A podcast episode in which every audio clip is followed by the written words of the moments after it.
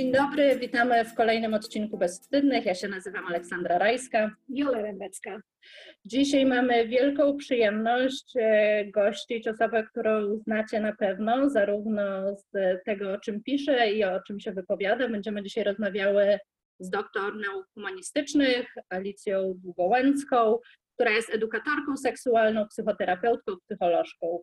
Witamy serdecznie. Oczywiście i feministką, jeżeli jestem, jeżeli się nie mylę. Alicja, jesteś feministką? Oczywiście. Myślę, że byłam wcześniej nią, zanim w ogóle y, y, myślałam o tej kategorii. Y, czyli już nią byłam, kiedy zastanowiłam się nad tym, czy nią jestem. Więc jest to dla mnie takie no, niezwykle oczywiste.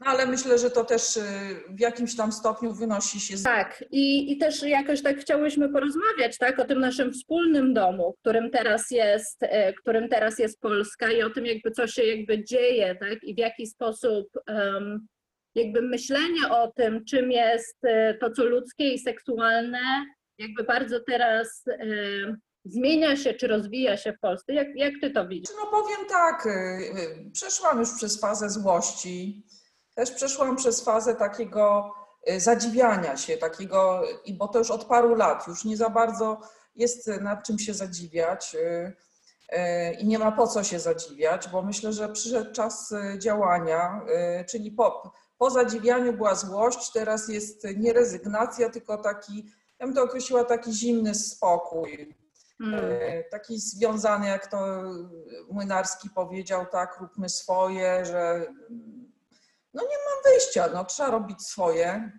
Bardziej mi się to, co się dzieje, oczywiście zlewa w e, nurt mm, taki anty, e, antyludzki, antyhumanistyczny, mm, czyli to jest no, globalne zjawisko, tak? Ono jest widoczne na świecie. W Polsce jest w tej takiej specyficznej, właśnie takiej polskiej, cokolwiek to znaczy formie, to globalnie, no, z olbrzymim smutkiem, olbrzymim.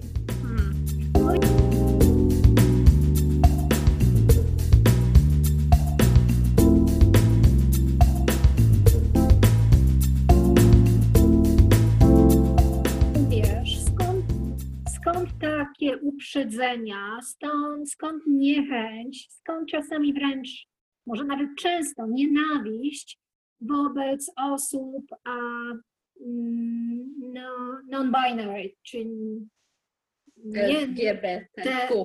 Tak. Osoby nie, niebinarne, y, tak, y. LGBT jako, jako jakiś twór, tak, y, który się mhm. pojawił w, w, w, w w mowie polityków, tak, bez kompletnego zrozumienia, tak, no bo, bo to określenie zupełnie co innego znaczy w ustach y, psychologów, seksuologów, pedagogów, ale też i właśnie ludzi humanistów, a zupełnie co innego znaczy w ustach y, polityków, tak jak, ale po, podobnie, podobnym potworem był gender, podobnym potworem były feministki, e, podobnym tworem są lewacy, tak, y, i tak dalej, i tak dalej. Czyli to jest taki obcy, jeżeli dobrze rozumiem, którego trzeba prześladować i jak się go wypleni z Polski, to Polska będzie szczęśliwą wyspą. Znaczy wiecie, ja myślę, że ja to postrzegam e, znowu bardzo jednak globalnie na, na poziomie no nie tylko tak e, tego, co jest tradycyjnie katolickie, ale, ale również jest to przeformatowywanie się władzy spowalnianie tak, procesów równościowych. I tutaj to jest bardzo feministyczne w tym, jak ja to postrzegam, tak, czyli y, model y, tak zwanej tradycyjnej rodziny, podkreślam model, bo nie ma to nic wspólnego z realnymi rodzinami, y, versus lęk przed chaosem. Ta walka będzie, te konflikty będą, ale tego się już nie odwróci. Mhm. E, na szczęście. Mówię to jako kobieta, tak? Tak, tak wracając do tego, co powiedziałeś, tak, że jakby tak naprawdę wszystkie procesy, które opierają się na nierówności, wracają jakby do myślenia o tym, jaka jest rola kobiety w społeczeństwie i dlaczego kobiety są widziane jako z jakiegoś powodu niżej albo gorsze. Jestem ciekawa, mhm. Jedna z moich ulubionych, takich bardzo e, radykalnych feministek, Andrea Dworkin, mówiła, że nie ma takiej możliwości, żeby jakikolwiek stosunek seksualny między kobietą a mężczyzną e, nie był gwałtem, ponieważ mężczyźni mają o tyle więcej władzy w społeczeństwie niż kobiety, że jakby nie ma możliwości, żeby jakby gdzieś się godzić na to, tak? Ja się zastanawiam, nie myśląc o Andrzej Dworkin, ale zastanawiam się, tak, jak widzisz jakby te zależności władzy, tak, jeśli chodzi o seks i seks jakby Polek, szczególnie może, tak, myśląc jakby o naszym kontekście kulturowym. Znaczy ja bym nie ograniczała tego do Polek, tylko od, o, ogr- ograniczałabym to y, do, y, do systemów patriarchalnych i, y, i takich ultrakatolickich jednak. y, e, Gdzie bardzo ściśle jest określona tak, rola, rola kobiety, więc no, ja zresztą często i w tekstach takich swoich tak, y, nawiązuję do tego, że mm, my mamy jednak dużo wspólnego z systemem włoskim, południowoamerykańskim, tak? E, To, będą, to jest bardzo podobny model funkcjonowania, funkcjonowania kobiety w społeczeństwie, chociaż oczywiście ostro zaczęłaś. Mm, Ja, ja to zmiękczę i powiem niektóre, tak? Niektóre, bo oczywiście mogłabym odbić piłeczkę, tak, i, ale nie zadam takiego pytania, bo nam nie wypada, e, tak, czy, e, e, czy jesteście w stanie, czy podejmujecie wolne decyzje seksualne w swoim życiu, tak, personalnie, ale warto sobie właśnie zadać pytanie i sprawdzić, kiedy, kiedy jest, kiedy nie jest.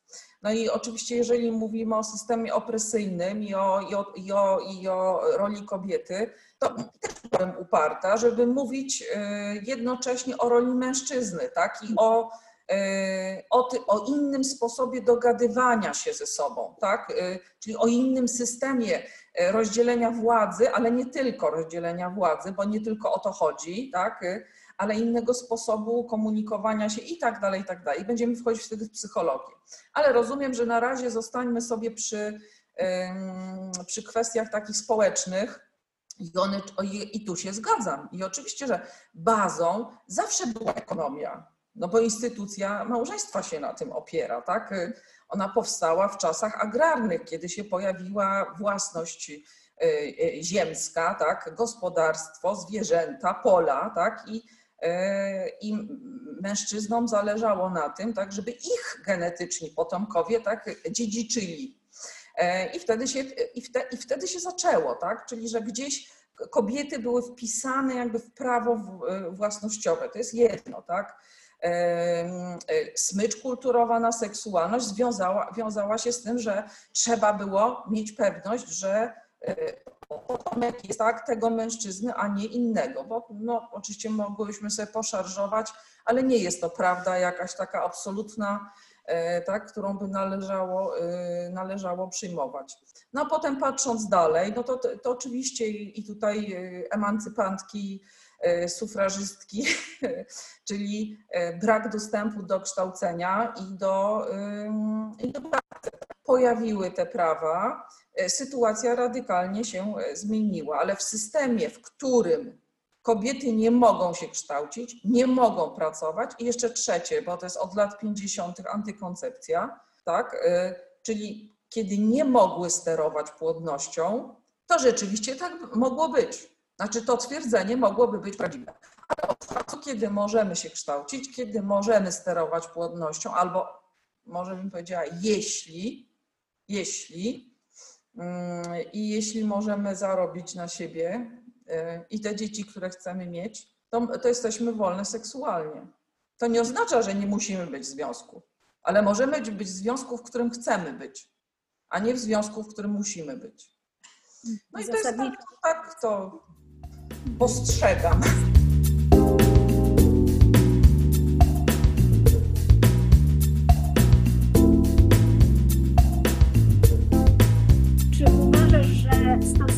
Stosunek Polek, Mhm. Polek, sióstr Polek e, wobec seksualności i ich własnej, naszej seksualności zmienia się? Jeżeli tak, to jak ty to widzisz w tej chwili? I w sensie psychologicznym, i społecznym, e, Mhm. edukacji, no tak jak to widzisz jako osoba, która na co dzień zajmuje się e, pracą w tej materii. No i jak to określam, już na, nawet wyszłam z wieku staruchy, już jestem strażniczką tradycji, tak, czy jako kobieta dojrzała. Mam duże pomieszanie, y, prawdę mówiąc, y, no bo tutaj pokolenia robią swoje. Y, Bardzo doceniam rolę kobiet Polek, tych o pokoleniu starszym ode mnie, czyli to będą obecne 70, 80, które już nie mieszczą się w stereotypie babć, ale były wychowywane w sposób bardzo tradycyjny. I spotkania z wieloma kobietami, e, tymi nestorkami, że tak powiem, rodów, e, dużo do myślenia, one są inne, tak myślę, niż kiedyś, cokolwiek to znaczy. Chodzi mi o to, że e, bardzo często są otwarte na to, co im mówią wnuczki, czyli obecne dwudziestki, trzydziestki i wyciągają z tego wnioski. I te wnioski są bardzo, y, bardzo ciekawe. E, e, I to są kobiety, które mówią, że na pewne rzeczy jest za późno, ale mają bardzo taką głęboko przeżytą świadomość w, związaną z, ze swoją seksualnością, kobiecością. Mhm. Kobiety z mojego pokolenia myślę, że są trochę, znaczy no jesteśmy pokoleniem z powodów gospodarczych jednak. My Jesteśmy wykończone, po prostu jesteśmy wykończone i myślę tutaj o pokoleniu transformacji. Myślałyśmy, że będziemy żyły w, y, właśnie takim wolnościowym kraju, że będziemy akceptować swoje wybory, że jedna będzie tak, druga będzie tak, tak jedna będzie, pójdzie w pracę, druga pójdzie w dzieci, trzecia pójdzie w sztukę, tak nie jest. E, No, sytuacja gospodarcza też powoduje, że musimy pracować na swoje dzieci na swoich rodziców i na siebie. Więc e, myślę, że jesteśmy takim pokoleniem, e, no powiem to ze smutkiem, że w jakimś sensie zrozgoryczonym i zmęczonym, bo liczyliśmy na coś innego. No, ja- osobiście i wiem, o, wszyscy moi przyjaciele liczyliśmy na coś innego, mając lat 20 e, parę. I też jeszcze 10 lat temu to super wszystko wyglądało. I przerażeni jednocześnie, tak? I, e, i myślę, że e, kobiety z mojego pokolenia, no w każdym razie środowisko, w którym się obracam, jest, e, jest niezłomne. Jeżeli chodzi już o zdobycze feminizmu, znaczy się bardzo identyfikuje tak z, z czarnymi parasolkami, właśnie z takim wyjściem na ulicę. Jeżeli patrzę na młodsze dziewczyny, na 20-30-latki, E, to mam pomieszanie, ale ono jest myślę oczywiste, bo to jest tak jak w Polsce sytuacja jest pomieszana, tak? Czyli że mamy, e, mamy olbrzymią e, rzeszę e, młodych, na, na co dzień pracuję też ze studentami, tak? E, Z jednej strony zwolenników związani tak z ruchami nacjonalistycznymi w Polsce, tak? e, nie są starymi ludźmi, to, to, są, to są młodzi ludzie, tak? Czyli i- są tam też kobiety, e, co jest e, no, z mojej perspektywy niezrozumiałe, ale staram się to zrozumieć. E, Jestem bardzo ciekawa tego, co mówisz, tak, że jak starasz się zrozumieć je, tak, to w jaki sposób, jak, w jaki sposób rozumiesz jakby pociąg młodych kobiet do, do Mhm. nacjonalizmu? Znaczy, wiesz co, ja, do, ja, do, ja dokończę myśl właśnie, znaczy, bo z drugiej strony, e, bo chodzi mi o te kontrasty. E, Jest e, e, bardzo mocny ruch od, e, młodych kobiet, od którego się uczę też e, e, zupełnie jakby innego podejścia do cielesności, do seksualności, takiego pozbawionego właśnie jakiegoś takiego wstydu. E, Myślę o całym ruchu body positive i, i różnych, in, czy radykalnych postaciach e, feminizmu, tak? I ja pewnie jakby w tym ruchu nie będę, ale go też obserwuję. E, I on mnie w jakiś sposób, e, tutaj no in plus, tak, ale y, ym, zaciekawia i też staram się zrozumieć. Więc jednych i drugich staram się zrozumieć i oczywiście tutaj myślę bardzo chętnie bym i waszych poglądów na ten temat wysłuchała na poziomie takim głęboko psychologicznym, tak? Co się dzieje z młodą kobietą, ym, z jej emocjami, że wchodzi w jeden obszar albo, albo, albo w drugi, tak?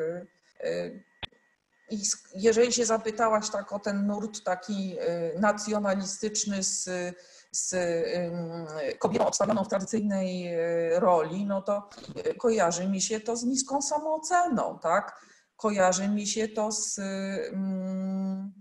z takim restrykcyjnym sposobem wychowania, tak?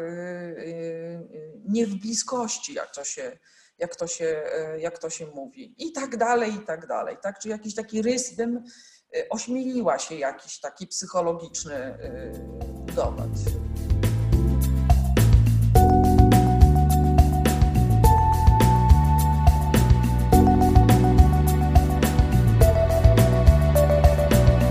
E, chciałam powiedzieć, że, że dla mnie to jest bardzo ciekawe, co mówisz, bo ja też jakoś gdzieś myślę, że pewnych pewników, tak? Jakby różnych rzeczy, które jakby, że tak jest i że jakby tak powinno być i że je, ja też jakby z różnych miejsc w swoim życiu, e, jakby e, dogmatyzm w zupełnie innych aspektach życia nie jest mi na pewno obcy.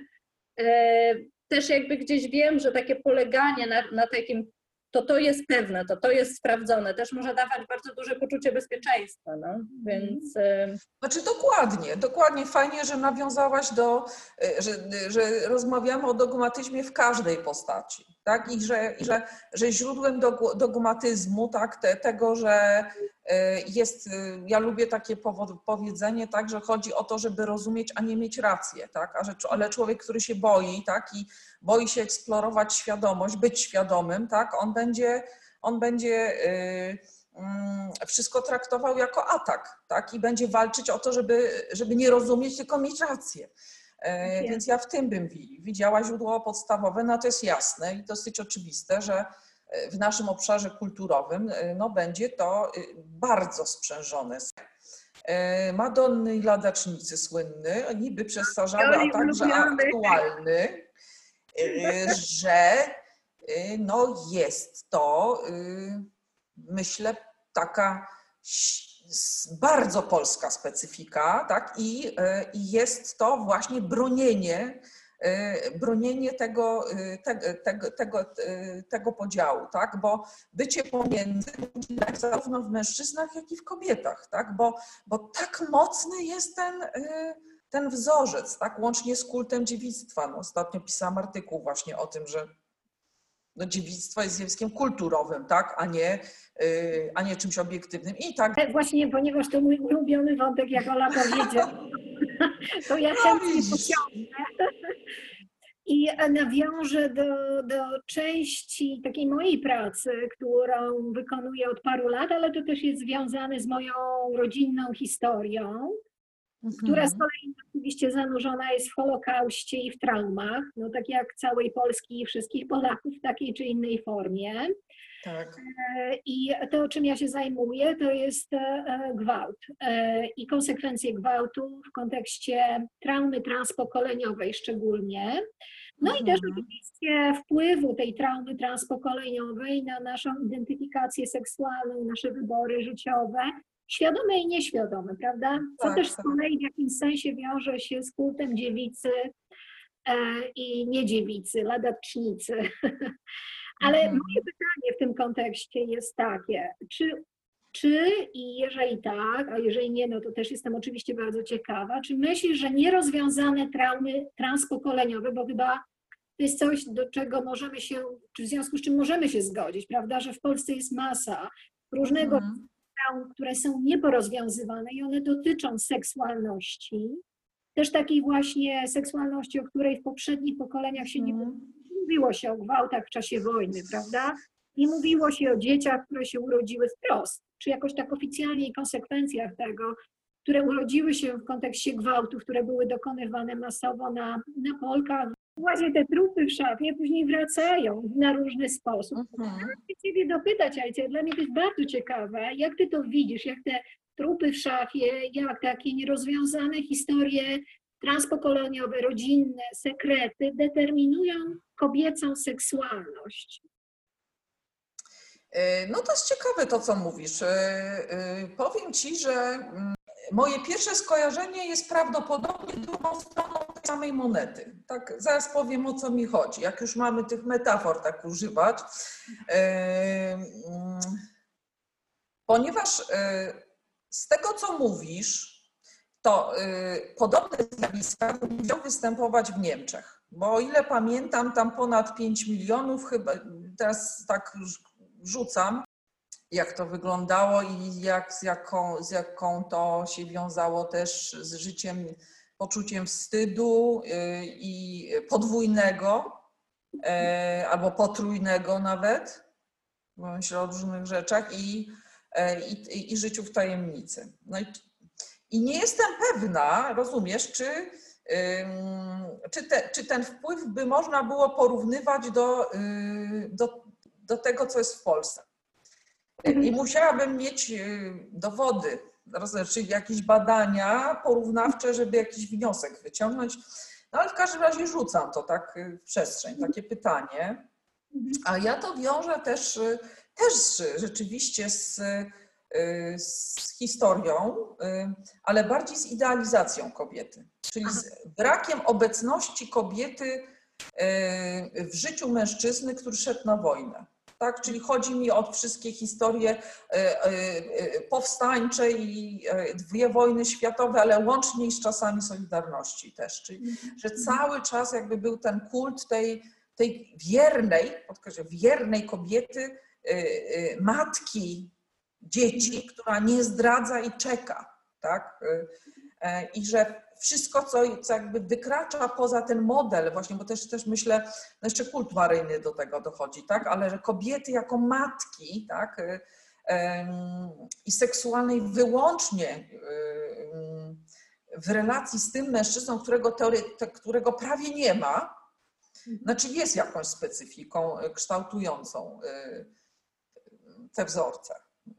Powiedz, jak to kształtuje z Twojej perspektywy wzorzec kobiety, też taki seksualny wzorzec, bo ciekawa jestem bardzo. Ci mężczyźni, którzy odchodzą, Właśnie. a te kobiety, które zostają. Taki powtarzalny przez pokolenia. Mhm. Znaczy ja przede wszystkim tak, znaczy yy, yy, yy, o tym to długo bym mogła mówić, że rzeczywiście ten schemat i tutaj mówię z, z, nawet w gabinetach, w gabinecie tak non stop jakby ta jest coś takiego, że polscy mężczyźni muszą się z tym mierzyć, że to znowu ma związek też z sytuacją polityczną, że, yy, że wszystko jest takie właśnie czarno-białe, tak? Czyli że te lewaczki to są te ladacznice, tak, a te, te w rodzinie z dwójką dzieci i z niedzielnym chodem do kościoła to są te Madonny. A myślę, że i jedne i drugie, jeżeli są wciskane w, w to, y, czują się niezwykle na pewnym etapie życia y, mm, nierozumiane, chociażby do kli- klientek, tak, z, z którymi pracuję. I że y, ten podział w mm, świadomości męskiej wydaje mi się dosyć oczywisty. Oczywiście jest to niesprawiedliwe, no bo jest wielu mężczyzn, którzy nie, nie, nie mają tego albo do końca sobie z tego nie zdają sprawy, ale myślę, że jest to specyfika polska. Ja widzę problem w, w takim, nie wiem jak to teraz nazwać, chodzi mi o pewnego rodzaju podwójność, że kobiety, które wiedzą, że ten podział obowiązuje, nie pozwalają sobie na bycie sobą w relacji z mężczyzną. W tym bym postrzegała y, podstawowy problem, że y, y, to jest trochę jak z uwewnętrznioną homofobią, że kobiety mają taki rodzaj uwe- uwewnętrznionego lęku związanego z byciem po prostu sobą, tak?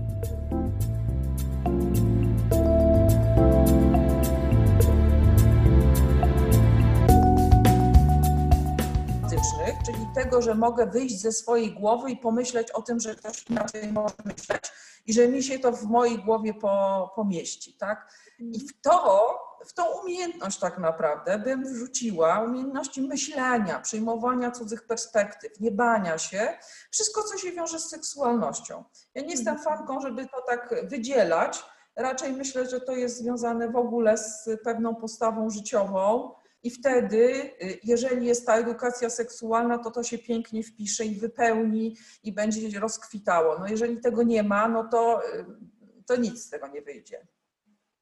Alicjo, powiedz, bo zwróciłaś uwagę w naszej rozmowie przed nagraniem, że Ty jesteś edukatorką seksualną, a nie seksuologiem. Proszę wytłumacz nam tą różnicę i dlaczego jesteś edukatorką seksualną, a nie seksuologiem. Znaczy, no taką, ta, taką wybrałam drogę na, na, na, na pewnym etapie i też z tego powodu tak y, y, zajęłam się psychoterapią i to też bardzo określoną, tutaj się uśmiecham do, do, do Oli, e, mm, bo bardzo mnie interesują takie kierunki związane z pracą z, z ciałem. Dobrze jest to, że pracuję na Wydziale Rehabilitacji, zajmuję się psychosomatyką, taki wykładam przedmiot. To, że dużo pracuję z osobami z niepełnosprawnością ruchową, z, z, z ciałem odbiegającym od standardów, ale to wszystko mieści się w kategorii zdrowia. Mhm. Czyli nigdy nie interesowała mnie psychologia kliniczna, psychiatria, e, e, zaburzenia seksualne, e, które już są, czyli jestem fanką profilaktyki. I to od właściwie samego początku studiów i, i tego się trzymam i bardzo bliska mi jest taka praca w, w obszarze E, jak to się określa, zdrowia seksualnego i re, reprodukcyjnego, tak? Czyli, że wolę zapobiegać niż leczyć. Chciałam się zapytać, jakie, tak, tak jak mówimy, mówiłaś o edukacji, o roli edukacji, tak? Gdybyś miała pomyśleć, co jakoś i wiem, że to jest jakby pytanie, które w pewien sposób jest głupie, tak? I takie magiczne, tak? Ale gdybyś mogła przekazać tak? Jakby większości Polek, jeden dar wiedzy, tak? Polek, Polek. Tak, tak. Co, byś, co, byś, co byś chciała przekazać? Co jest takiego, co, e, tak, tak jak czasem w bajkach, nie wiem, człowiek spotyka e, samą siebie, ale z, nie wiem, co, 20 hmm. lat później i mówi sobie, posłuchaj, sekret jest w tym, żeby tam, nie wiem, właśnie jeść zdrowo albo coś, tak? Jakbyś miała przekazać coś takiego właśnie, takiego obszaru bycia ze sobą, bycia taką jakby, tak jak opisujesz, tak, taką istotą pełną i w tej mhm. jakby wchodzi też jakby nasza seksualność i cielesność. Głęboko w to wierzę, też jako kobieta w średnim wieku, i to podkreślam kobieta, e, pracująca z kobietami i bardzo często to jest, zauważam, moment odstawienie iluzji. Mhm. E, I oczywiście tutaj mogłabym to rozwinąć, jakby co to, e, co to znaczy, tak? Czyli odstawienie różnych schematów, wzorców kulturowych. Ja to często porównuję do takiego rozebrania się do naga i stanięcia przed, przed lustrem i spojrzenie sobie w oczy i, i pozbycie się iluzji, ale też nie, nie karanie się za nic. Jakby przyjęcie tego, co jest takim, jaki jest, i to jest jakby punktem wyjścia do budowania siebie, tak? Mm, to podejście jest też mi bardzo bliskie, bo tak jak pracuję czasami z kobietami po wypadkach, tak? Albo też na co dzień współpracuję z Fundacją Rock and Roll, tak? I z kobietami po operacjach. Ich życie się radykalnie zmienia i sposób postrzegania swojej kobiecości. Mm, taka iluzja, że w byciu, wartości byciu kobietą E, jest ułożenie sobie życia, które polega na e, w jakimś związku, e, mm, a nie na tym polega układanie, układanie życia. Jakaś taka radykalna akceptacja tego, co jest. Tak, tak, bez łudzy. Mhm. To bardzo cenne. Właściwie ja mam poczucie, że już nie mam nic do dodania, co rzadko się zdarza, bo raczej należy do tych gadatliwych. Bardzo, bardzo mnie to porusza, co mówisz, Alicja, i pewnie się pod tym podpisuję i to jest jakaś wartość, myślę, że w ogóle uniwersalna. Myślę, że też w kontekście takiej transformacji, jaka w Polsce zachodzi, to szczególnie jakoś jest istotne, żeby widzieć a, różne rzeczy bez iluzji, bez takiego dopisywania i w lewo, i w prawo, bo rozumiem, że to dotyczy tak. jednej i drugiej strony. Ja jakoś tak pomyślałam, jak, jak Ciebie słuchałam o tym, że że jakby jak nie jesteśmy, jak jesteśmy w kontakcie ze swoimi iluzjami, to jesteśmy bardziej w kontakcie ze swoimi fantazjami na temat swojego życia, na temat innych ludzi, i tak naprawdę w rzeczywistym kontakcie, tak, jakby z drugą osobą czy z sobą samą. I jakoś gdzieś dla mnie wartość tego w tym, co mówiłaś, jakoś była bardzo, e, tak, no taka poruszająca. No, ja też coś tu poczułam. E, to jest, e, to jest takie, no, no, właśnie chodzi o bycie w doświadczeniu, tak, i słynnym tu i teraz, ale w doświadczaniu siebie w sposób świadomy, tak, a nie tkwienie w, w, w, jakichś, w czyichś wyobrażeniach, czy w swoich na własny temat i samobiczowaniu się, że się jakby nie nie pasuje, nie dorasta, tak? Y, i odkrywaniu siebie poprzez y, y, te emocje, które są y, trudne, bolesne i niepotrzebne. Tak? Znaczy, no, mo można zdecydować inaczej. Mm, Można z zaciekawieniem odkrywać siebie. E, I to będzie na przykład dotyczyło. Fajnie, że ten temat Aleksandra wywołałaś. Z y, kobiecością rozumianą jako, jako taką jedność psychosomatyczną, tak? czyli właśnie z cielesnością. E, Nie wiem, czy znacie ten projekt, który robiłam z Tamarą Pieńko o nazwie Wdzięczność. E, Ja z nim jeżdżę po Polsce i z, pokazujemy z Tanią ten e, przepiękny projekt, który był doświadczaniem swojej kobiecości, w swojej cielesności, często takiej właśnie nienormatywnej, w różnym wieku, w różnych sytuacjach, graniczne doświadczenie e, w życiu kobiety. I mi osobiście bardzo by zależało na tym, żeby kobiety doświadczały i, od, i odkrywały to jak najwcześniej, tak? Żebyśmy nie, nie musiały tego robić właśnie e, jak, jak mamy la- lat 50. Bardzo, bardzo Ci dziękujemy za dzisiejszą rozmowę, bardzo Ci dziękujemy za poruszające momenty i bardzo Ci dziękujemy za, za pracę, którą robisz, bo, bo to dzięki Tobie wszystkie będziemy coraz bardziej wdzięczne za to, że jesteśmy kobietami. wdzięczne i bardziej świadome też tej naszej kobiecości i tego, co jest jakoś ważne, żeby tę kobiecość odkrywać, bo to niekończący się proces. Ja osobiście też mam nadzieję na kolejny raz. Także chciałabym Cię już oficjalnie zaprosić, Alicja, za jakiś czas do następnej rozmowy. Mam nadzieję, że się zgadzasz. No, to bardzo, bardzo mi miło i bardzo mi miło patrzeć na Wasze oczy, takie, tak, takie śmiejące się. No, dziękuję za to, za to spotkanie. Internet jest cudowny.